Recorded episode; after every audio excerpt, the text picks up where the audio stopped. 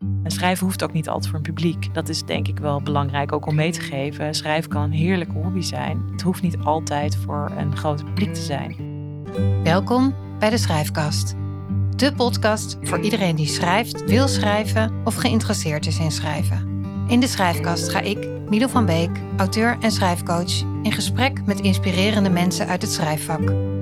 Op de dag dat haar tweede boek Niet Vergeten in Amerika verscheen, sprak ik met Eveline Helmink, hoofdredacteur van het tijdschrift Happiness, mastercoach en auteur van twee bestsellers. Of anders gezegd, troostboeken. Want Eveline ziet haar boeken als uitgestoken handen.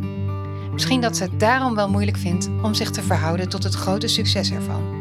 In deze aflevering vertelt ze wat haar hindert en drijft in het schrijven. Hoe ze de tijd ervoor vindt naast een drukke baan en een gezin. En hoe ze denkt over persoonlijke en zelfhulpboeken. Veel luisterplezier. Eveline, welkom in uh, de schrijfkast. Dankjewel. We zitten hier uh, niet in jouw kantoor, maar in een heuse podcaststudio. Dat is zo ongeveer voor het eerst dat ik opneem in een echte podcaststudio. Uh, jij bent hoofdredacteur van Happiness, Yes. schrijver, mastercoach. En we gaan het hebben over, nou ik denk niet zozeer over happiness, misschien een klein beetje. Als het aan bod komt, ja. Maar vooral over schrijven en je boeken wat schrijven voor jou betekent. Um, en um, nou, je hebt net als ik een journalistieke achtergrond. Ja, ik ben opgeleid als journalist. Ja. Heb je ook in Utrecht gestudeerd? In Tilburg. Oh, in Tilburg. Aan de academie heette dat toen nog. Academie voor Journalistiek. Ja, heet het nu gewoon school? Nee, het heeft Fontis heet het volgens oh, mij. Oh, Fontis. Ja. ja. Je bent sinds 2017 uh, zit je in de hoofdredactie. Van ja, Happiness. daarvoor was ik adjunct hoofdredacteur. En, uh, ja. Sinds, sinds 2017 ben je hoofdredacteur. Ja. En je schreef twee boeken. Ja. Uh, we hadden het er net al even over. met, uh, dat jouw handboek voor mindere dagen was al in Amerika uitgekomen. Ja, dat is vertaald in zes talen uiteindelijk. Ja. En jouw laatste boek uh, is nu net in Amerika over jouw moeder met ja. dementie. Is ja. nu net, in, net verschenen in Amerika. Ja, dat heeft de heldere titel When a Loved One Has Dementia gekregen. Wat ongeveer de lading van het boek goed dekt. Ja, ja want in Nederlands heet hij Niet, Niet vergeten. vergeten. Ja. Oh ja. Even denken. Ja. Ben je blij met die? Uh... Ja, ik vond het, het wel. een de ondertitel is een comforting companionship. Toen dacht ik, oh ja, soms in het Engels klinkt het ook wel mooier dan in het Nederlands. Ja, ja. Maar we hadden het al even over dat dat natuurlijk, dat is nogal wat als je boek in Amerika verschijnt. Ja. Maar dat jij daar nog, uh, nou ja, niet zo dat van de daken schreeuwt eigenlijk. Nou ja, vandaag kreeg ik dus een mailtje van mijn Amerikaanse uitgever van Happy Publication Day. En toen dacht ik, oh ja, dat is een ding. Maar het is, um, ja, het is natuurlijk ook best abstract. Dat het heel ver van hier verschijnt en je bent er niet bij. Ik ben er fysiek niet bij. En um, aan de ene kant is natuurlijk mijn eigen verdienste dat het boek vertaald is en dat we er daar weg van zijn. En aan de andere kant overkomt het je ook min of meer. Ik ben niet zelf degene geweest die het manuscript bijvoorbeeld naar de London Book Fair heeft gebracht. Dat, mm -hmm. ja, dat doet mijn uitgever. Mm -hmm. Dus het, het, is soms moeilijk om er naartoe te verhouden of zo. Ja. ja. Hoewel ik wel heel trots ben hoor, echt ja. waar. Ja. ja. Het is ook een heel persoonlijk boek, dat? Ja, zeker. Uh, ja, is, is, dat was waarschijnlijk een bewuste keuze om niet een boek over dementie te schrijven uh, met heel veel informatie. Er zit wel veel informatie in. Ja. Maar om echt je persoonlijke verhaal uh, te vertellen over Ja. je moeder en hoe jij en je familie dat hebben beleefd of beleefden. Ja, ik ontdekte toen ik zelf ging lezen over dit onderwerp, um, omdat het natuurlijk heel dichtbij kwam in mijn familie, dat ik op die hele boekenplank uh, nog een, eigenlijk een boek miste. Je hebt aan de ene kant hele literaire vertellingen, zoals Nicky French heeft een prachtig boek over geschreven. En aan de andere kant zijn het hele praktische uh, uh, boeken over hoe je een goede mantelzorger bent en hoe je de keukenkastjes kan indelen en hoe je. En daartussen er zit, zat voor mij nog ruimte, namelijk van hoe hou je jezelf staande oog in oog met dementie. Want ja. Uh, in, ja, het wordt wel de beholders disease genoemd. De ziekte van de omstanders of de ziekte van degene die moeten toekijken. Mm -hmm. En hoewel het natuurlijk in eerste instantie de patiënt is die alle aandacht verdient, heb ik aan de lijve ervaren wat het doet met je familiesystemen, met de omstanders en ook uh, hoe je meeleidt. En Alzheimer Nederland heeft een mooie campagne gehad van uh, degene die dementie krijgt en degene die eronder lijdt is niet 1 plus 1. En dat, dat heb ik ook zo ervaren. Dus ik, ik had het gevoel dat er ruimte was op de boekenplank voor een boek voor iedereen die iemand lief heeft met dementie. En Ja. hoe ga je daar nou mee om? Ja, Ja. en het is een, ik weet niet of dat ook je bedoeling is, maar dat het jou, jouw uh, handboek voor mindere dagen ook dat het, ik, uh, dat het een beetje troostboeken zijn. Ja, ja. ja. Uh, is dat ook wat je terugkrijgt uh, over dit boek? Dat het, uh, ja, zeker. Het is heel bijzonder. Ik was toevallig gisteravond nog wat drinken met een meisje. Ik begeleid af en toe wat mensen, jonge mensen die ook een ouder hebben die opgenomen is. Mijn moeder had jongdementie. Mijn het ziekteproces begon toen ze waarschijnlijk al midden 60 was. Dus dat is best relatief vroeg. En dan is het fijn om te horen dat mensen er echt iets aan hebben. Het is, ik, ik zie het boek echt als een uitgestoken hand. Mm uh, naar anderen toe. En Cheryl Strait zei ooit van ik schrijf zodat andere mensen zich een beetje minder eenzaam voelen. Ja. Uh, dus dat zijn niet mijn woorden, maar die resoneren wel bij mij. Dat is wel wat mooi. Dat, dat, ik denk dat ik dat ook wel ergens als motivatie heb of als drijfveer. Ja. ja, mooi. Want weet jij nog wanneer jij... Dit komt natuurlijk nooit van de een op de andere dag dat je wakker wordt. Nu ga ik er een boek over schrijven. Dat is natuurlijk een ja, proces. ja, moet maar... En ook gewoon een ambacht. Dat weet jij ook. Ja, het is ook... Uh, nou ja, schrijven is altijd wel mijn manier van uitdrukken geweest. Eigenlijk van meisje, toen een klein meisje was al, maakte ik mijn eigen schriftjes. Ik heb bijna alles van mijn jeugd, heb ik niet meer, maar ik heb nog wel een paar schriftjes met verhalen. En ik ben altijd beter geweest om mezelf uit te drukken in geschreven taal dan uh, mondeling. Mm dus ik schreef ook altijd gewoon veel voor mezelf op. Uh, en op een gegeven moment denk je nou, omdat je, ik ben ook opgeleid al inmiddels als journalist en ik ben, ik ben ook schrijven is mijn vak, is mijn go-to uh, talent zeg maar. Ik kan een heleboel dingen mhm. niet. Je moet mij niet vragen om een financiële berekening Excel te maken. Dan ga ik heel erg falen, maar ik kan wel iets schrijven. Ik, dat kan ik. Zo daar vertrouw ik ook op. dat is mijn skill. Ja. En dus gebruikte ik dat ook voor mezelf. En op een gegeven moment denk je, ja, volgens mij ja, kan ik hier kan ik hier een boek van boetseren. Ja. Mhm. Want schreef jij dan al veel, als we het hebben over je moeder bijvoorbeeld en wat je meemaakte met haar, schreef je dat vaak op in? Ja, maar wel gewoon in dagboekvorm hoor. Ja. Niet, uh, niet in, met, met bedoeling dat de anderen dat lezen, mm zouden lezen. Ehm, maar ik had in ieder geval wel genoeg wol om een trui van te breien. Ja. Ja. ja. En dan op een gegeven moment denk je, oké, hier, dit zou wel eens meer kunnen zijn dan alleen iets voor mezelf. Ja, ja, en op wat ik zei, op een gegeven moment dacht ik van er is ruimte voor. En uh, er is natuurlijk zo ontzettend veel. Er zijn zo ontzettend veel boeken. En op een mhm. gegeven moment moet je het gevoel hebben van dat je stem nog iets toevoegt. Mhm. En dat geeft voor mij het vertrouwen van ja, door, door deze lens is het verhaal misschien nog niet uh, verteld. Ehm, Kijk, een, hand, een boek voor, of handboek voor de mindere dagen. Ik zie, ik ga de Amerikaanse boektitel gewoon als standaard gebruiken. Oké, nee, handboek voor mindere dagen. Dat is voor mij een heel anders soort boek. Van dat zijn eigenlijk hele korte hoofdstukken. Dat is bijna meer een bundeling van een heleboel korte, korte verhaaltjes. Mhm. Mijn toon is daar ook veel meer tong in cheek. Mhm. En daarbij had ik ook echt wel als missie om, omdat ik juist omdat ik werk in de wereld van geluk en persoonlijke groei, om een beetje de mythes door te prikken over geluk als ultieme uh, gouden berg. En er is een heleboel verkeerde veronderstellingen over wat gelukkig zijn is. Dus daar had ik ook wel een soort missie van. Dat ik het juist dan ook leuk vind om het contrast op te zoeken. Mhm. Terwijl bij mijn tweede boek uh, ja, wilde ik echt een uitgestoken hand bieden. Mhm. Ja. Ik weet of dat een antwoord was op ja, ja, ja, ja, zeker. En uh, heeft het jou ook nog meer... Want je had al materiaal en je zegt... nou, ik, schrijven is eigenlijk mijn primaire vorm van uiten. Dus je gebruikt het waarschijnlijk ook als je dingen meemaakt met je moeder... of als je een bepaalde manier eh, voelde dat je schreef om het te verwerken of ja. om het een, nee, ik ga niet zeggen een plek geven, een plekje geven. een plekje geven. Maar heeft het, uh, het, het hele en er een heel boek van maken je ook nog weer iets anders gebracht? Ja, zeker. Omdat ik ook de, het grotere verhaal daardoor kon zien.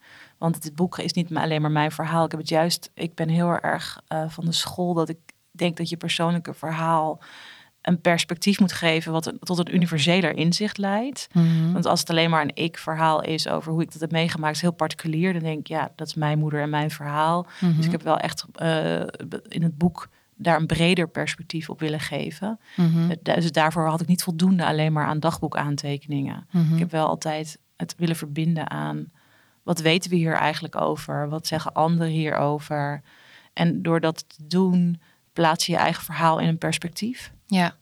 En dat voor, voor mij, ik vind dat troostend. Ja. Dat we eigenlijk, eigenlijk zelden echt alleen zijn. Mm En dat is kracht van verhalen. Ja. ja. En, uh, maar als je het hebt over het persoonlijke stuk in het boek, dan heb je het bijvoorbeeld niet alleen over je moeder, maar ook over je vader. Ja, en over mijn broers. Uh, en over je broers. Ja. Uh, Wat heel ontroerend is ook, vind ik. En je schrijft ook wel dat ze jou daar de volledige vrijheid in hebben gekregen. Ik Ja. krijg die vraag natuurlijk ook vaak. Hoe doe je dat als je an- andere mensen betrekt in je, in je Ja. boek? Of andere mensen voorkomen in je boek. Hebben zij daar, hebben ze inderdaad helemaal de vrije hand gegeven? Of, en, hoe, en hoe vonden ze het om het vervolgens terug te lezen? Nou, ik heb van tevoren gezegd van als ik dit ga doen, dan kan ik het alleen doen als ik eerlijk schrijf. Dus als ik ook schrijf over de, de lelijke momenten die we hebben meegemaakt, of de pijnlijke momenten. En ehm, als we daar anderen mee kunnen helpen, zijn die daar oké mee. Dat waren ze. En voordat we naar de, naar de uitgever ging, heb ik dus een manuscript naar hen opgestuurd. Dat vond ik heel spannend. Ja, Ehm, en ze hebben er geen letter aan veranderd. En ze waren alle drie super supportive en heel blij dat ik ons verhaal heb opgeschreven. Want het is voor, ook voor hen is het een, een document van een hele bijzondere periode die we hebben meegemaakt. ja, En ik vond, ik, ik waardeer dat heel erg aan mijn vader. Daar heb ik heel veel bewondering en respect voor dat hij eh, dat heeft toegestaan om ook. ehm, nou ja, ze hebben bijvoorbeeld de dementie van mijn moeder is lange tijd een heel erg onbespreekbaar onderwerp geweest bij mijn ouders. Mhm. Ehm, voor mij was het heel troostend om dat bijvoorbeeld in het perspectief te zetten van confabulatie heet dat, waarbij twee partners eigenlijk zo lang mogelijk proberen, uiteraard als je erover nadenkt, om hun zelfstandigheid te bewaren en hoe het is te conserveren. ja, En ehm, ik denk dat het mijn vader eigenlijk ook onschuldigd heeft. Ja. En dat hij dat ook zo heeft ervaren. Dat de fouten, en ik maak nu met mijn handen even zo'n Mhm. gebaar van... het zijn het fouten, ja of nee, de dingen die gaan zoals ze gaan. Dat het voor hem ook troostend is geweest om ook dat in een groter verhaal terug te zien. Van, Ja. we hebben allemaal ons best gedaan en het onschuldigt. Mhm. En hoe pijnlijk ook, is dat wel helpend. En dit is waarschijnlijk heel herkenbaar voor heel veel mensen die hiermee te maken hebben. Ja, ja, want het is altijd, in, wat dementie betreft, gaat het heel vaak rommelig. Er is, het gaat zelden vol- volgens een mooi draaiboek Mhm. van en toen dit en toen dat en toen even zus en zo. Mhm. Het is, het is schemerig, het is mistig, het is omgeven door, door eh, verkeerde veronderstellingen, door te weinig kennis. Ehm, dus ja, ik denk dat voor mijn vader. Mijn vader heeft ook dat boek. Nou, ik denk dat hij echt serieus 30 exemplaren heeft gekocht. En aan al zijn vrienden heeft gegeven. En Oh. al zijn familie. En op een gegeven moment was het een beetje grappend dat mijn broers en ik zeiden van... Heeft hij door dat het niet zijn boek is? hij, hij heeft het bijna een soort van... Dat het zijn boek was. Dat het Ja. zijn verhaal was. Hij heeft het helemaal omarmd. Maar ja. Eh, ik vond het ook prima. Ik, Ja. denk, ik ben blij dat ik dit, jou dit heb kunnen geven. Ja. En dat we dit al hebben kunnen doen als gezin ook. ja, wat mooi. En dat is natuurlijk ook wat een boek... Het is zo'n mooi eh, document ook, wat Ja. je maakt. Ja. Het is zoiets tastbaars. Ja, Wat je, ja. ja, en, En, ja? nou ja, ik heb ook eh, het, eerste exemplaar hebben zij ook allemaal voorin iets geschreven. En eh, ja, dat is, me, zo- dat is me zo dierbaar, dat eerste exemplaar. Waar zij zelf eh, Ja. een boodschap aan mij in hebben geschreven. Ja. En voor mij je, was het toen al klaar. Weet heb je, ook ik- dingen erin gezet die, je, eh, die, je niet, die ze niet wisten, hè, bijvoorbeeld? Die Ehm, opgeschreven vanuit jezelf bijvoorbeeld? Of hoe je naar dingen keek of hoe je hebt, dingen hebt ervaren? Nee, we hebben er wel over gesproken al. Maar ik vond het bijvoorbeeld best lastig om te schrijven over schaamte. Over Ja. dat ik mij voor mijn moeder geschaamd heb. En Ja. over de eh, boosheid die ik ook heb gevoeld naar mijn ouders. Terwijl ja, mijn moeder is ziek, ze kan er niks aan doen. Eh, dat zijn wel lastige onderwerpen. En als ik dat opschreef, eh, kreeg ik soms ook tijdens het schrijven wel echt een brok in mijn keel. Ja, ja. ja. Wat ook natuurlijk terug te lezen is dan. ja. Dat is natuurlijk, ja.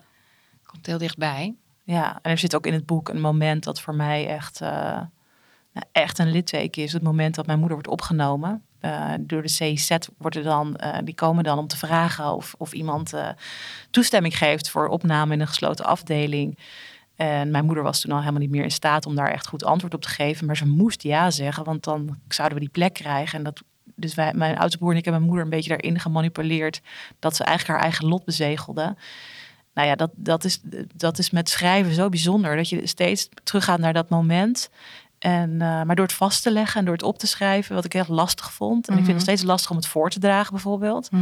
Maar daardoor is het wel een soort van in de tijdlijn geborduurd. En dan is het daar. Ja, En kan ik er ook van wegbewegen. ja. Ervaar je dat ook zo? Dat je soms als je iets opschrijft, dat je dan ook ernaar kunt, meer afstand naar kunt Nou, ik kijken? snap het dan soms pas. Ja, ja, ja, Pas, ik zeg wel, pas als ik het op heb geschreven, snap ik het. ja. Maar er moet, er gaan nog wel dan, eh, je gaat het opschrijven. En ik doe het dan in eerste instantie gewoon alles, alles, alles wat ik me kan herinneren. En dan daarna ga je natuurlijk ook daar keuzes in maken, omdat niet alles wat er in zo'n situatie gebeurt, op, ja, niet omdat het niet gelezen mag worden, maar omdat het niet allemaal even in, interessant of boeiend is voor zo'n. Uh, maar ik kan dan wel, als ik het daarna lees, inderdaad ook het. Uh, en, en het snappen en het nog weer opnieuw ervaren. Dat maakt het soms ook moeilijk. Ja, dat het is beide. Ja. En voor mij is dat betekenisvol leven. Want ik ben niet van de school die denkt dat je tegenspoed op je pad krijgt. Of een nare diagnose, dat je er iets van kunt leren. Ik, ja, dat is niet wat, wat aansluit bij mijn zingevingskader. Maar ik denk wel dat op het moment dat je dit soort ervaringen gebruikt om bijvoorbeeld om te schrijven of op een andere manier te verwerken, dat je er betekenis aan geeft. Ja. En voor mij is dus schrijven ook betekenis geven aan mijn verhalen en aan universele verhalen. Ja. Want daardoor krijgen ze uh, zeggingskracht. Ja, mooi. En ik las of ik hoorde ook ergens dat het ook een copingmechanisme is voor je. Schrijven. Ja, schrijven, zeker, ja. En is dat dus dingen ervaren en ze dan opschrijven, dat je het dan op die manier ermee omgaat? Dat doe je waarschijnlijk dan ook eerder dan dat je het eruit nou Op het moment dat ik het opschrijf, denk ik er zorgvuldiger over na. Of zo. Dat, dat, dat uh, ik heb een heel vol hoofd het flitst continu. Ik zoek altijd die gedachten. En op het moment dat ik het opschrijf, um, vertraag ik heel erg in mijn gedachten. Mhm. En dat is een soort copingmechanisme van het, het, ik neem echt de tijd om het dan soort te processen. Ja. En het als het ware uit mijn handen ergens naar heen te laten vloeien of af te laten vloeien. Ja, ja voor mij is dat wel echt, uh, ik, ja, helend is zo'n gedragen woord. Ja. Uh, maar een copingmechanisme voldoet. Ja, ja, ja, en hoe doe jij dat? Gewoon praktisch gezien? Is het uh, boekjes of in je telefoon? Of, uh... Nee, liefst, ik ben toch het liefst achter mijn laptop, merk ik. Oh ja. Ja, ik heb heel vaak opschrijfboekjes in mijn tas zitten. En ik maak ook wel notities daarin. Ehm, maar ik ben daarin wel heel erg van de rituelen of zo. Ik heb mijn eigen schrijfplek gemaakt op, op mijn uh, op mijn loggia heet dat dan, zo'n overdekte, of noem je zo'n afgesloten mm balkon. Daar, daar heb ik mhm. mijn plek, daar staan ook mijn boeken en er staan de, de foto's die ik fijn vind. Um, en ik vind het eigenlijk heel fijn om daar te zitten. Gewoon met mijn laptop, mijn theetje, mijn kaarsje, mijn dingetje. Uh, ik ben niet iemand die altijd in het, die zal mij niet heel snel betrappen in de trein of in een museum of in een, uh, in een cafeetje met een notitieboekje. Als nee. andere mensen aan het observeren. Dat is een hele romantische schrijfdroom. Ja. Ik wil heel graag zo iemand zijn. Maar de werkelijkheid is dat ik het liefst gewoon uh, op mijn eigen schrijfplek zit. Met mijn eigen spullen en mijn laptop. Ja. En doe je dat dan dagelijks? Of wekelijks? Of heb je echt vaste momenten? Uh, nee, nee, ik kan Gewoon niet zeggen dat ik daar een routine in heb. Nee. En hoe, wat heel veel mensen natuurlijk willen weten is, uh, jij hebt nogal een baan. Ja. Met veel verantwoordelijkheid, waar denk ik ook best wat tijd uh, naartoe gaat. Ja. Je hebt twee kinderen. Ja. Um, je hebt een relatie. Ja. Je had een moeder waar je voor zorgde. Ja. Hoe... Ja, dat is de vraag. Wanneer heb je dat Wanneer gedaan? schrijf je? Ja, maar ook nog een sociaal leven. Het is net als bij een bevalling van een kind. Als dat boek er dan is, denk je, dit doe ik echt nooit meer. Hoe, hoe heb ik dit gedaan? Maar als je, eh, voor mij is schrijven ook een, een plek waar ik graag heen ga. Mhm. En waar andere mensen zeg maar uh, hardlopen of koken of uh, allerlei manieren hebben om waar ze zeg maar in een soort flow komen, heb ik dat met schrijven. En ik vind Mhm. dat gewoon, dat is mijn bubbel. Mhm. En dat is ook juist misschien omdat ik ook hoofdredacteur ben van een merk als Happiness, wat een heel duidelijke signatuur en kleur heeft.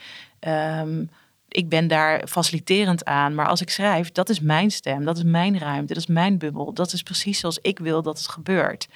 En ehm, voor mij is het, ik, voor mij schrijven echt een bubbel waar ik in kan. Ehm, dus in die zin is, gaat er, vloeit er ook gewoon vanzelfsprekend tijd naartoe Mhm. Die andere mensen aan andere dingen besteden. En uh, lang leven het co-ouderschap. Dat klinkt Mhm. heel raar, maar in, in, dit geval is dat een blessing, omdat ik dan gewoon twee avonden per week heb. Dat ik het ook gewoon uh, uh, kan eten als ik thuis kom en in die ruimte kan gaan zitten. Ja, ja. Dat, en het, ja, het kost is ook gewoon bloed, zweet en tranen, Ja. laten we wel wezen. Schrijven is echt ook, en dat vind ik heel belangrijk om te benadrukken. Het is gewoon een vak en het is ook gewoon een ambacht. En het is ook gewoon heel veel meters maken. Ja, heel veel discipline. Heel veel discipline, ja. Arbeid, Ja, ja.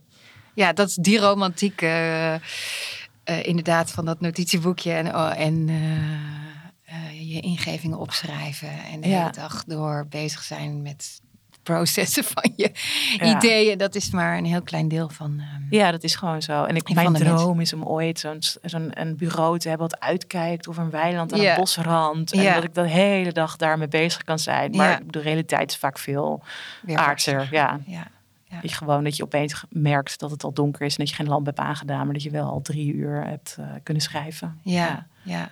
En uh, uh, je komt dan ongetwijfeld ook een soort wanhoopsmomenten, als, zoals als we net het over de bevalling hadden, tegen tijdens het maken van zo'n boek. Ja. dat er momenten zijn dat je denkt, ja, maar ik, wat ben ik eigenlijk aan het doen? Ja. Waarom? Waarom wil ik dit? Verslaat het op? Wie vindt het interessant? Ja, ik heb ze allemaal aangetikt. Ja, ja. ja. Wat doe je dan? Heb je daar manieren voor om daarmee om te gaan? Ja, ik heb mijn eigen ervaring is dat ik heel erg moet vertrouwen op een soort app en vloed in mezelf. Ik weet gewoon dat als ik achter mijn uh, schrijftafel zit en na een uur of zo komt er nog steeds niks, dan stop ik er ook mee. Dan weet ik gewoon, het gaat niet komen. Maar ik kan ook echt gewoon die golf voelen of zo. Een soort een bijna fysieke sensatie van, nou nu stroomt het. Mhm. Uh, en ik heb geleerd om te vertrouwen op dat proces. Dus het ook niet meer te forceren. Als het niet Mhm. gaat, dan gaat het niet. En dan stop ik het ook. Stop ik ook gewoon even. Dus discipline tot op zekere hoogte. Ja, tot op zekere hoogte. Ja. Ja. ik ga mezelf niet helemaal eh, eh, pushen. Ik denk, ik heb, ik heb een paar van die motiv motivatiespreuken. Ehm, ehm, bijvoorbeeld mijn uitgever zei, het is nog nooit met jouw stem verteld. Ik, dit- daar refereerde Ja. ik net ook al aan. Maar dat heeft mij wel, geeft mij wel vaak het vertrouwen om door te gaan. Als ik op zo'n punt denk van, ja, dit is echt gewoon helemaal niet interessant of boeiend of who cares. Ik denk, nee, dus ik ga het nu vertellen op mijn manier. Mhm. En ik denk ook wel. ehm, ik ben, ben tijdens het schrijven niet heel erg bezig met wie het gaat lezen. Ik ben niet heel Ja. erg bezig met of het een succes gaat worden. Mhm. Natuurlijk heb ik ook de, het uitgangspunt dat het niet mijn baan is om te Mhm. schrijven. Dus ik ben er niet van afhankelijk. Dus ik probeer. Ik denk dat het erop neerkomt dat ik heel erg probeer om te relativeren. Het Ja. belang van het schrijven te relativeren. Het is oké als het hierbij blijft. Het is oké als het eh, eh, geen publiek gaat bereiken. Ik doe dit omdat ik het wil en omdat ik denk dat het verhaal verteld gaan worden. En daar stopt het dan. Ja, En wat de wereld ermee doet, moeten ze zelf weten. en dat is natuurlijk een hele goede manier om al die stemmen in je hoofd Ja, het zwijgen op te leggen. ja. Ja, ik schrijf niet zodat ik het op LinkedIn kan zetten. Ja, of zo. En dat, dat, dat eh, relativeert ook. Dus het gaat Mhm. allemaal om relativeren. Dus wat mij helpt is relativeren. Het belang Ja. van, het, van wat ik aan het doen ben. Het belang van wie het gaat lezen. Eh, ja, dat helpt mij. en daar, maar toch eh, is het belangrijk genoeg om daar een deel van je tijd in te stoppen. Ja, En, maar dat is dan puur voor jezelf. Jouw urgentie of jouw ja. eh, behoefte of ehm, ja, en ik geloof natuurlijk gewoon heel erg in verhalen. ja, Ik geloof heel erg in de kracht van een goed verhaal en van een goed boek. Er zijn zoveel boeken die mij eh, geraakt of gevormd hebben. Ehm, ik hou heel erg van taal. Mhm. Eh, zoals Pauline zegt, taal is zeg maar echt mijn ding. Mhm. Ehm, dus je bent, het is ook magisch gereedschap. ja. Ja. Dus het is ook het is leuk om te doen, het is fijn om te doen. Ja. En als je dan vastzit, dan eh, of als je denkt van, nou ja, wat, wat ben ik eigenlijk aan het doen, dan ga je relativeren in de zin, Ja. ja, terug naar. ja, het is misschien ook aan mijn, ik weet niet hoe dat zit. Ik denk misschien is het ook mijn persoonlijkheid dat ik nooit, ik, op een podium staan is niet mijn intrinsieke motivatie. Of een groot Mhm. publiek bereiken is ook niet mijn intrinsieke motivatie. Maar dat is voor hoe het voor mij is. Mhm, mhm. Ik, vind, ik vind dat meer een gevolg van wat je maakt. Ja, ja. Ehm, ja dat- Zou je dit ook anderen adviseren die dus bezig zijn met een boek of graag een boek willen schrijven, om niet zozeer te denken aan, eh, nou ja. Nou zeggen- ja, ik zie heel veel mensen die zeggen van ik wil mijn verhaal vertellen. En dan denk ik, soms vind ik daar ook een soort laagje grootheid waanzin in zitten. De- Van waarom denk jij dat jouw verhaal zo ontzettend uniek en relevant is dat dat een groot publiek moet bereiken? Mhm. Eh, wat is dan je drijfveer? Is het drijfveer dan dat het verhaal goed verteld moet worden of dat je zoveel mogelijk ehm, applaus krijgt eigenlijk? Mhm, mhm. En eh, ik zie dat zeker in het journalistieke veld. Hoeveel pitches ik niet krijg bij Happiness met verhalen die beginnen met ik. Mhm.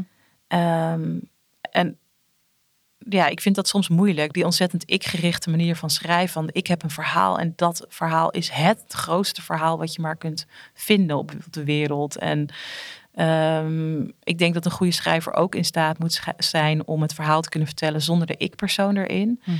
Ehm, wat niet wegneemt dat het persoonlijke van een verhaal heel relevant is. Ja. Voor mij zijn dat, zit er nog een nuance in. Mhm.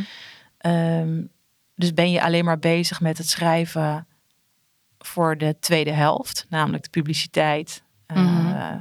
voor je eigen eer en glorie? Of gaat het je ook om het, om het maken van het product zelf? Ja. Ja, het is heel interessant. Ja, Want je hebt precies wat je zegt, het boek zoals eh, eh, het boek over je moeder is anders ook weer. Dus Het, het feit dat het door jou verteld is, maakt het een uniek boek. ja, Dus jouw eigen stem en jouw eigen persoonlijke ervaring zijn heel belangrijk in dat boek. En tegelijkertijd is je motivatie niet, ik moet per se mijn verhaal eh, vertellen wat over mij gaat om een heel groot publiek te bereiken en op een podium te staan en daar heel veel aandacht voor te krijgen. Nee. En mijn ervaring is dus grappig genoeg ook dat als je eh, werkt vanuit, eh, vanuit een innerlijke motivatie, dat, dat het zijn weg vindt naar de wereld. Ja, Als je alleen maar bezig bent met het resultaat en niet met het proces, dan mis je voor mij, een, voor mijn gevoel, een heel belangrijke stap. ja. En het begint met het proces, met het schrijven, je stem vinden, je ervaringen verwerken, een toon vinden, het op kunnen schrijven op een manier dat het voor anderen ook eh, relevant is. Mhm. En het resultaat is dan dat het een publiek vindt of dat je gevraagd wordt voor, eh, Ja. voor een lezing of wat dan ook. Ja, Ja, het is eh, van binnen naar buiten. ja, Ja. ja. ja, ik zie vaak andersom mensen die inderdaad al een soort pitch maken en bezig zijn met de marketing, dus met Ja. het sluitstuk. eh, voordat ze precies weten waar het boek over moet gaan. Of dat is Ja. dan bijna ondergeschikt eraan. ja. ja dat, wat dat betreft ben ik best wel traditioneel, Ja, merk ik. ja. En is dat ook de goede manier, voor, ik wil niet per se goed en fout praten, maar een, een manier om je eigen stem te vinden, denk je, door het zo eh, eh, aan te pakken? Ja, dat denk ik wel, want dan weet je wat je wil vertellen. Ik zie soms ook bijvoorbeeld op social media dat mensen eh, vragen van waar wil je dat ik een boek over schrijf of waar wil je dat ik een blog over schrijf. Dan, dan denk ik, ja, dan ben je dus continu bezig met hoe, hoe kan ik zoveel mogelijk eyeballs verzamelen voor wat ik maak. Ik, vind dat een gekke manier van werken. Laat ik zo zeggen, het past niet bij mij. Ik, Mhm. ik zou eerder denken, wat heb ik te vertellen? Mhm. Ehm, wat heb ik meegemaakt wat mogelijk leidt tot een breder inzicht, wat voor anderen ook interessant zou kunnen zijn? Snap wat ik bedoel? Ik, Mhm. ik, ik, als je al van tevoren denkt in marketing, van waar is een gat in de markt? Mhm. Maar dit, dit geldt voor eigenlijk voor alles wat ik doe. Dit, is, dit geldt voor mijn hele werk. Ook bij Happiness. eh, ik doe heel weinig lezersonderzoek bijvoorbeeld. Mhm. En ja, ik geloof ook dat je gewoon zelf een soort bevlogenheid moet bezitten. En een vertrouwen dat als je wat maakt, wat je, wat je maakt goed is, dat het zijn publiek vindt. Ja. Je kan continu, ik, ik geloof niet in dat Excel-sheet denken. Mhm. Weet je, je kent heel veel van die doelgroep onderzoeken. Van je moet je richten op de die en die groep of die en die groep. Mhm. Ja, daar weet ik, ben ik gewoon niet zo van. Ik denk dat als je iets maakt wat goed is, wat gedegen is, wat kwalitatief is, wat iets toevoegt, dan vindt dat Dat zijn vindt weg. het zijn weg wel. Ja, Nog steeds in deze tijd ook van... ja, absoluut. Ja, dat bewijs je natuurlijk met happiness. Maar... Ja, nou ja, we hadden op een gegeven moment posters hier in de lift hangen in de, bij WPG Uitgevers dat wij een data-driven eh, Mhm. bedrijf waren. Nou, daar heb ik echt tot op, op de hoogste directieniveau een punt van gemaakt. Want ik ben niet data-driven. Ik, eh, ik zeg altijd, oh, moet ik een website maken met heel veel traffic? Is dat, is dat mijn doelstelling? Want dan weet ik precies wat ik moet doen. Namelijk, dan zet ik een porno op en dan serveer ik alleen nog maar friet. ja, dan, dan heb ik veel bereik. Dat is dat het doel is. Ik, ik ben niet data-driven. Ik ben data-inspired of zo. Of noem het een, weet ik veel, noem het een ander woord. Data is super relevant om en het kan je heel erg helpen en richting geven. Maar uiteindelijk gaat het wel om, om een stukje bezieling, inspiratie, eigenheid. Dat maakt het verschil. Ja, En dat vind ik soms wel lastig aan deze tijd. Dat het zo ontzettend met die dashboards en dat Ja, alles ons alles ontzettend meetbaar. meetbaar is. Ja. Ja, Ik denk dat het ook verlammend werkt. ja. En vaak weten we helemaal niet wat we willen lezen. Nee. De mooiste boeken die ik heb gelezen had ik niet, had ik niet in een onderzoek kunnen aangeven. En ik wil heel graag een roman over dit en dit onderwerp. Mhm. Ja. Maar is het dan dus dat je je intuïtie eh, heel erg gebruikt in, in alles wat je doet? Ja, intuïtie is voor mij. Maar intuïtie is natuurlijk ook ervaring die naar je onderbewustzijn is gegaan. Ehm, dus in intuïtie mag je ook best zien als een eh, als levenservaring. Ik durf op mijn intuïtie te varen omdat ik er ook succeservaringen mee heb Mhm. opgedaan. Mhm. Ja. Mhm. ja. Hey, en nou zijn er natuurlijk ook mensen die eh, iets hebben meegemaakt, eh, die een, een verhaal hebben wat heel erg, wat ook over hunzelf gaat. Ja. Even te denken hoe ik het formuleer. Eh, maar wat heel erg de moeite waard is om te vatten in een boek, omdat Ja. ze er bijvoorbeeld ook eh, heel veel andere mensen mee zouden kunnen helpen. Die iets soortgelijks hebben meegemaakt. Omdat het de schaamte doorbreekt. Omdat het nou Ja. troost biedt. Maar die, dat, die de hele tijd maar blijven denken. Maar wie ben ik om Ja. dat te doen? En jij, voor, die mensen, voor, die mensen, voor die mensen ook een. eh Nou, er is niemand precies zoals jij. Er is niemand precies met jouw persoonlijkheid, met jouw talenten, met jouw ervaringen, met jouw context. Eh, dus in die zin geloof ik wel dat ieder verhaal een plek heeft in dat hele kosmische tapijt. Er zijn allemaal een knoopje in het patroon. Mhm. En ehm, niemand kan het precies zo vertellen zoals jij dat hebt. Eh, of zoals, zoals jij dat kunt. Mhm. Ehm, dus daar mag je ook vertrouwen in hebben. Ik denk dat het goed is ehm, om te zoeken waar het klittenband zit. Waar zit jouw verhaal? Waar kun je dat? eh, wat kunnen anderen daar uithalen? Ook als ze niet precies dat hebben meegemaakt. Mhm. En er zijn. ehm, Dus waar zij aan vast kunnen klikken. ja, Kleven. want uiteindelijk gaat het leven over hele grote universele thema's. Mhm. Over loslaten, over vasthouden, over eh, verliezen en winnen. Over liefhebben en, en, en, en ehm, afscheid nemen. Als je, als je je verhaal in een soort perspectief, dat, dat bedoel ik met dat universele perspectief, mhm. dan, dan kun je eigenlijk, is jouw verhaal voor iedereen. Ja. Ja, Ja, dus, als het, dus je zoekt het, het klittenband is de, de grotere universele thema's waar iedereen aan kan ja. relateren. Als dat in jouw verhaal zit. ja, voor mij is denk ik, zou ik als advies geven, kun je al een beetje ruimte maken om je eigen verhaal heen. Ja. Eh, is er, is er, kun je er flexibel over denken? Kun je zelf al bijvoorbeeld meerdere perspectieven op je eigen verhaal aan, innemen? Mhm. Ja, ik zeg wel eens, kun je, eh, er zijn mensen die heel dicht nog op een gebeurtenis Ja. zitten bijvoorbeeld. Dus dat is dan dat wondlitteken verhaal. Ik kan me voorstellen dat met jouw boek over je moeder, dat er sommige dingen nog, eh, nog heel dichtbij waren Ja. toen je het schreef. Ja, zeker. Maar dat is ook een beetje wat schrijven is. Het is alsof je het op tafel legt en je loopt er omheen. En je Mhm. bekijkt het eens van de ene kant, je bekijkt het eens van de andere kant. Mhm. En, en daarbij kun je, daar, dat maakt het ook interessant voor anderen. Op het moment dat anderen ook om er omheen kunnen lopen en denken, oh wat fascinerend. Ja. Of zo. Ja. Ja. Ja, Ja, mooi. Dus ik, ik, ik vind het lastig om in woorden te vatten. Ja, Grappig genoeg ook- voor iemand die zegt, ja, woordtaal zeg mijn ding. Maar het is eh, een soort beeld wat ik ervan heb. Ja. Ja. ja. En je had het net al over een aantal boeken die, eh nee, die heel geraakt hebben. Of die, kun je een paar voorbeelden noemen van boeken die, eh, die jou bij zijn gebleven? En, en waarom? Nou, het is volgens mij publiek geheim dat ik erg van Cheryl Strait hou. Ja. Eh, vooral Tiny Beautiful Things, de brieven Ja. vind ik erg mooi. Omdat Ja. ik vind dat zij een hele mooie manier van compassievolle eerlijkheid in haar stem of in haar toon heeft. Mhm. Zij Mhm. kan radicaal hard, maar ontzettend liefdevol zijn. Ja. Eh, dat vind ik heel, een heel mooi schrijfstijl. Ja. Ik hou erg van Joan Didion, Oh, die ken ik niet. eh, van het jaar van het magisch denken. Oh ja. Ja, een prachtig, prachtig boek. En ik hou ook ehm, bijvoorbeeld van James Salter, Ja. Amerikaans schrijver. Want Ja. wat, ik, wat ik bij hem heel knap vind, is hoe hij zo weinig taal nodig heeft eigenlijk. Het is heel clean, het is Mhm. heel ehm, to the point, maar hij kan daarbij zoveel vertellen. Mhm. Vaak is dat een valkuil. Als mensen beginnen met schrijven, dat ze dan heel gedragen, wollig, met heel veel bijvoeglijke naamwoorden gaan schrijven. Is ook lekker. Mhm. Heerlijk om te doen. Ja, het is gewoon alsof je met dikke lage verf. Mhm. En ik vind James Salter zou iedereen een keer moeten lezen, omdat het zo minimalistisch, het is zo clean. En dat is heel moeilijk, hè? Ja, heel moeilijk. Heel schrijven. moeilijk, ja. Ik heb een poëzieopleiding gedaan met schrijversvakschool. Oh, gewoon omdat het is zo leuk Ja. om op een andere manier met taal bezig te zijn. Ja. En dat is echt een leuke oefening om, om anders met woorden of met cons- zinsconstructies te oefenen, om het helemaal schoon te maken. Mhm. Ik heb daar overigens ook geleerd dat je het niet van de voordracht moet hebben. Aha. Dat iets op, op- als je schrijft, moet het op papier al duidelijk zijn wat je ermee bedoelt. Ja. Je moet het niet hoeven voorlezen Om het duidelijk te maken. om het duidelijk te maken. Want Oh, je, jouw lezer hoort jouw intonatie niet. Nee. Dus ah, als je zeg maar bijvoorbeeld sarcasme of cynisme of humor. Een lezer hoort niet hoe jij een zin bedoelt. Dus dat is echt een schrijfvaardigheid om het op te schrijven zoals je het zou willen zeggen. Kun je dat overbrengen? Ik had een vrouw in die poëzieopleiding en die schreef hele minimalistische poëzie, maar op papier kwam dat gewoon niet over. En als ze het dan ging voordragen, begon ze regen, zon. Dan ja, ja, dat, dat vond ik moeilijk, zeg maar.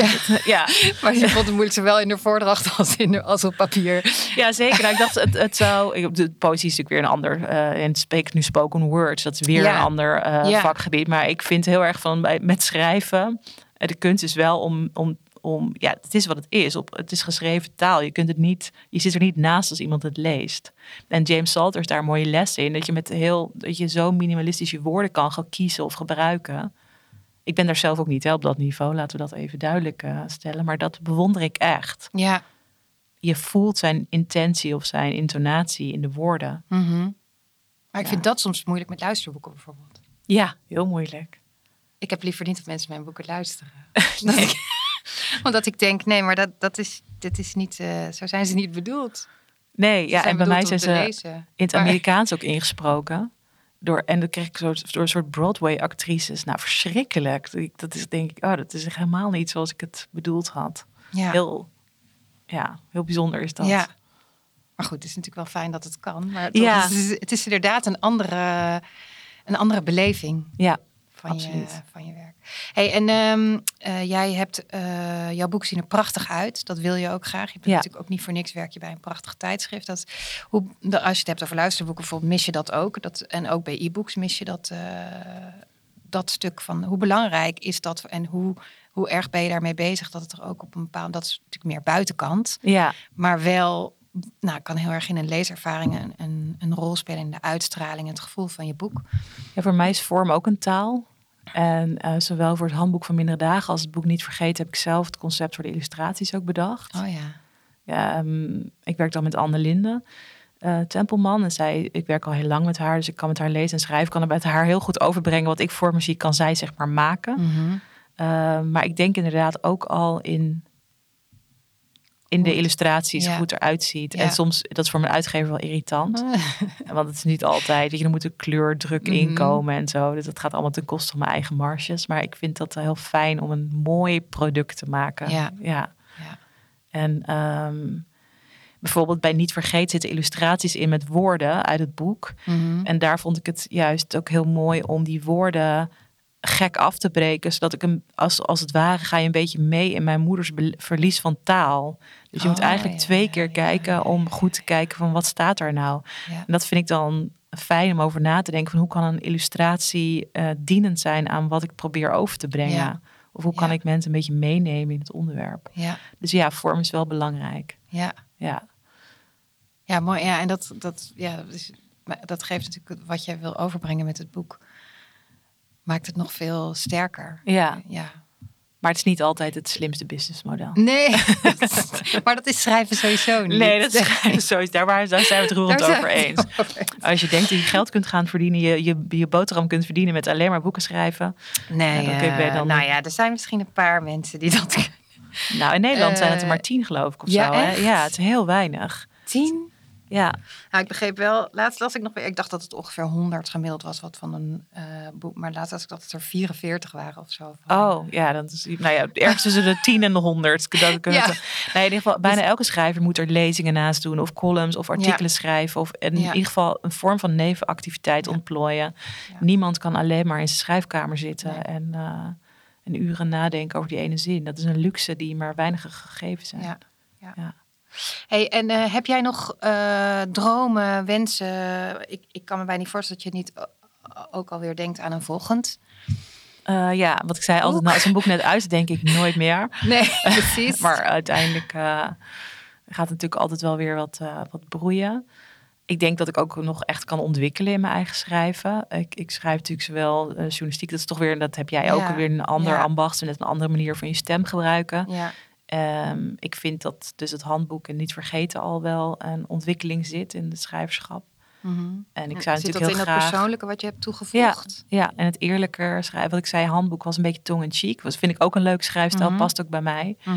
Ehm, maar de schrijvers die ik net noemde, die bewonder ik omdat ze ehm, zo minimalistisch en zo eerlijk schrijven. En dat daar zou ik mezelf nog wel. Eh, ik zou het leuk vinden als ik mezelf daarin nog verder kan ontwikkelen. Ja. Ja. En denk je dan ook aan dat je bijvoorbeeld wel eens eh, fictie zou willen schrijven? Of denk je dat je altijd blijft bij boeken die rond de Eh, non-fictie. ja. ja. Weet ik niet. Ik denk, ik, fictie is wel heel moeilijk. Of poëzie. Ja, Ja. ook heel moeilijk. ja. Ja. en ehm, ik moet eerlijk zeggen, en dat dit is wel een goede plek daarvoor, dat ik soms ook wel ongemak voel rondom het schrijven. Want omdat ik ook op redactie werk, er verschijnt zoveel, zoveel rommel ook. Ja, om het maar zo te Ik zeggen. hoe ga je het noemen? Ja, Ja, hoe ga ik het noemen? Ja.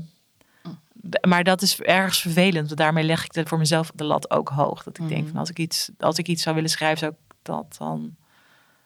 ehm,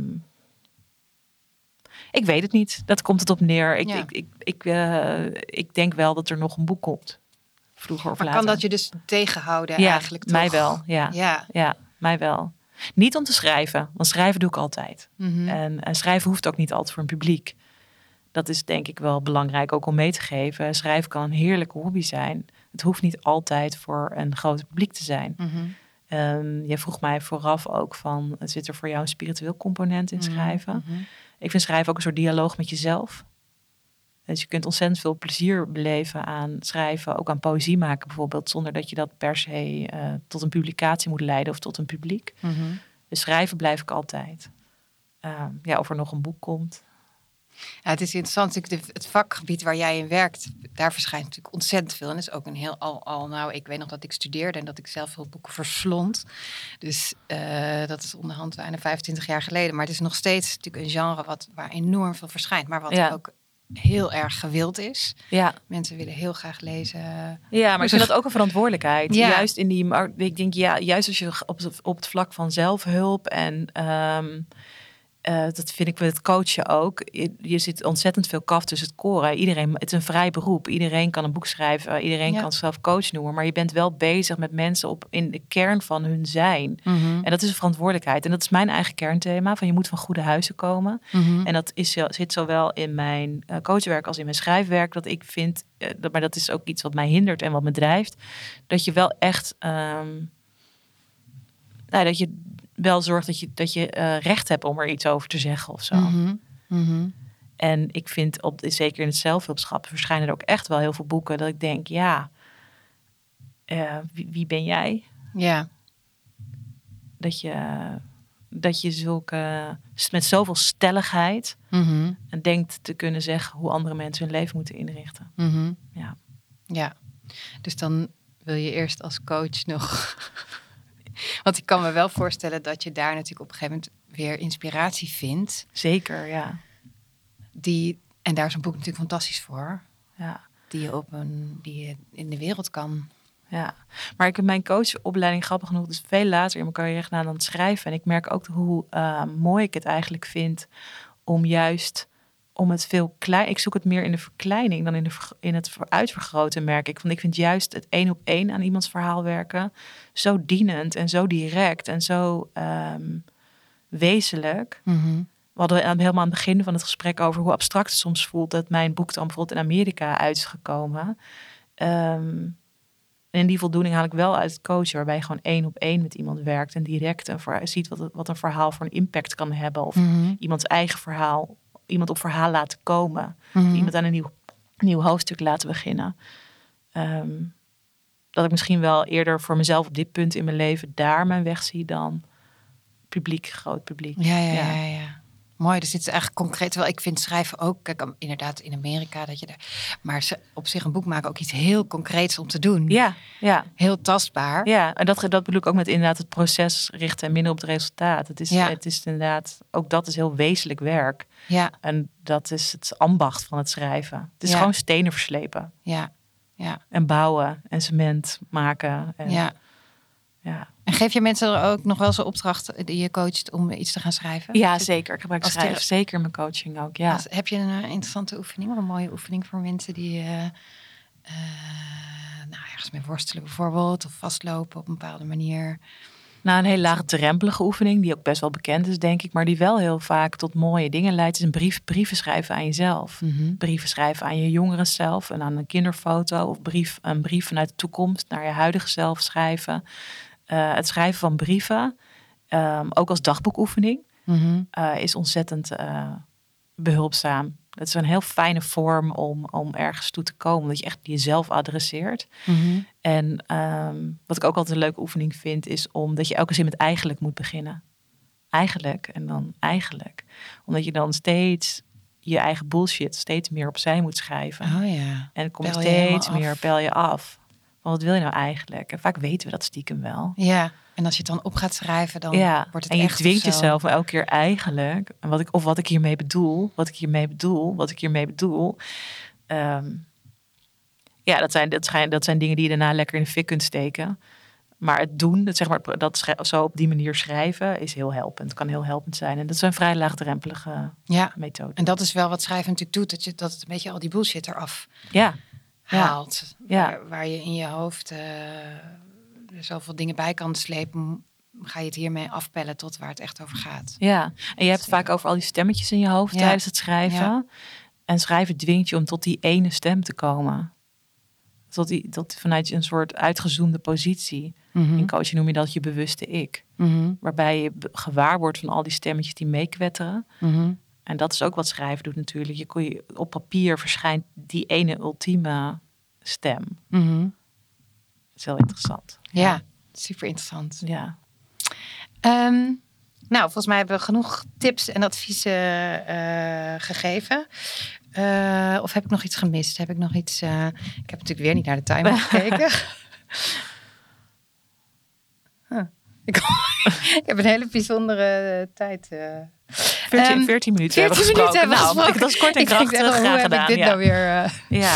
Eh, maar ehm, hebben we nog iets gemist? Heb je nog iets wat je wil delen? Nou, dat ik heel erg genoten van je andere podcast. Dus dat ik de luisteraars ook zeer aanraad naar de andere doorbreekt schrijf. de Nee, dat ik zelf ook een Ja. echt schrijf. Maar er zitten hele je- de interessante schrijfkast. namen. Ja, de schrijfkast. Oh, ja. ja. ja. er zitten hele mooie eh, perspectieven op schrijven in. En dat, ook dat is, vind ik ook zo mooi, zo'n mozaïek. En dan zie je ook weer dat iedereen zijn eigen stem, zijn eigen manier van schrijven heeft. Ja, En ik denk dat het ook helpt om de romantiek van het vak een beetje eraf te halen. ja. Is ja aan de ene kant wil ik heel manier. graag meer mensen aanzetten tot schrijven. Aan de andere kant denk ik ook, ja, het is ook echt belangrijk dat je weet dat het gewoon arbeid is. Ja, Discipline, zitten, blijven zitten. En dat dat echt heel ja.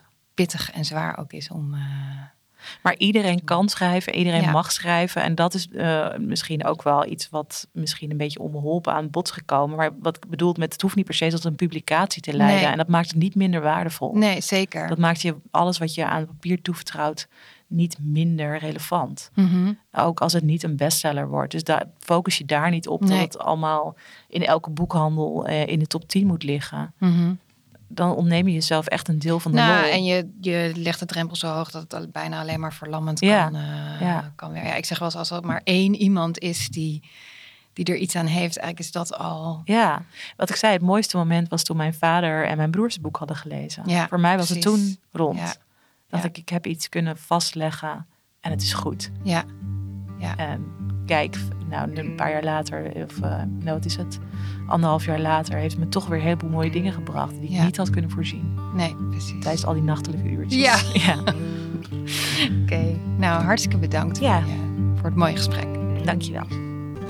Dankjewel voor het luisteren naar de Schrijfkast. Wil je geen aflevering missen? Abonneer je dan. Met je iPhone kan je dat doen door op het plusje te klikken naast de naam van deze podcast en op Spotify door op de volgbutton te klikken. Ik ben ook heel blij als je een review wil achterlaten. Wil je meer weten over Eveline, haar boeken of over mij en mijn trainingen? Kijk dan in de show notes. Tot de volgende keer.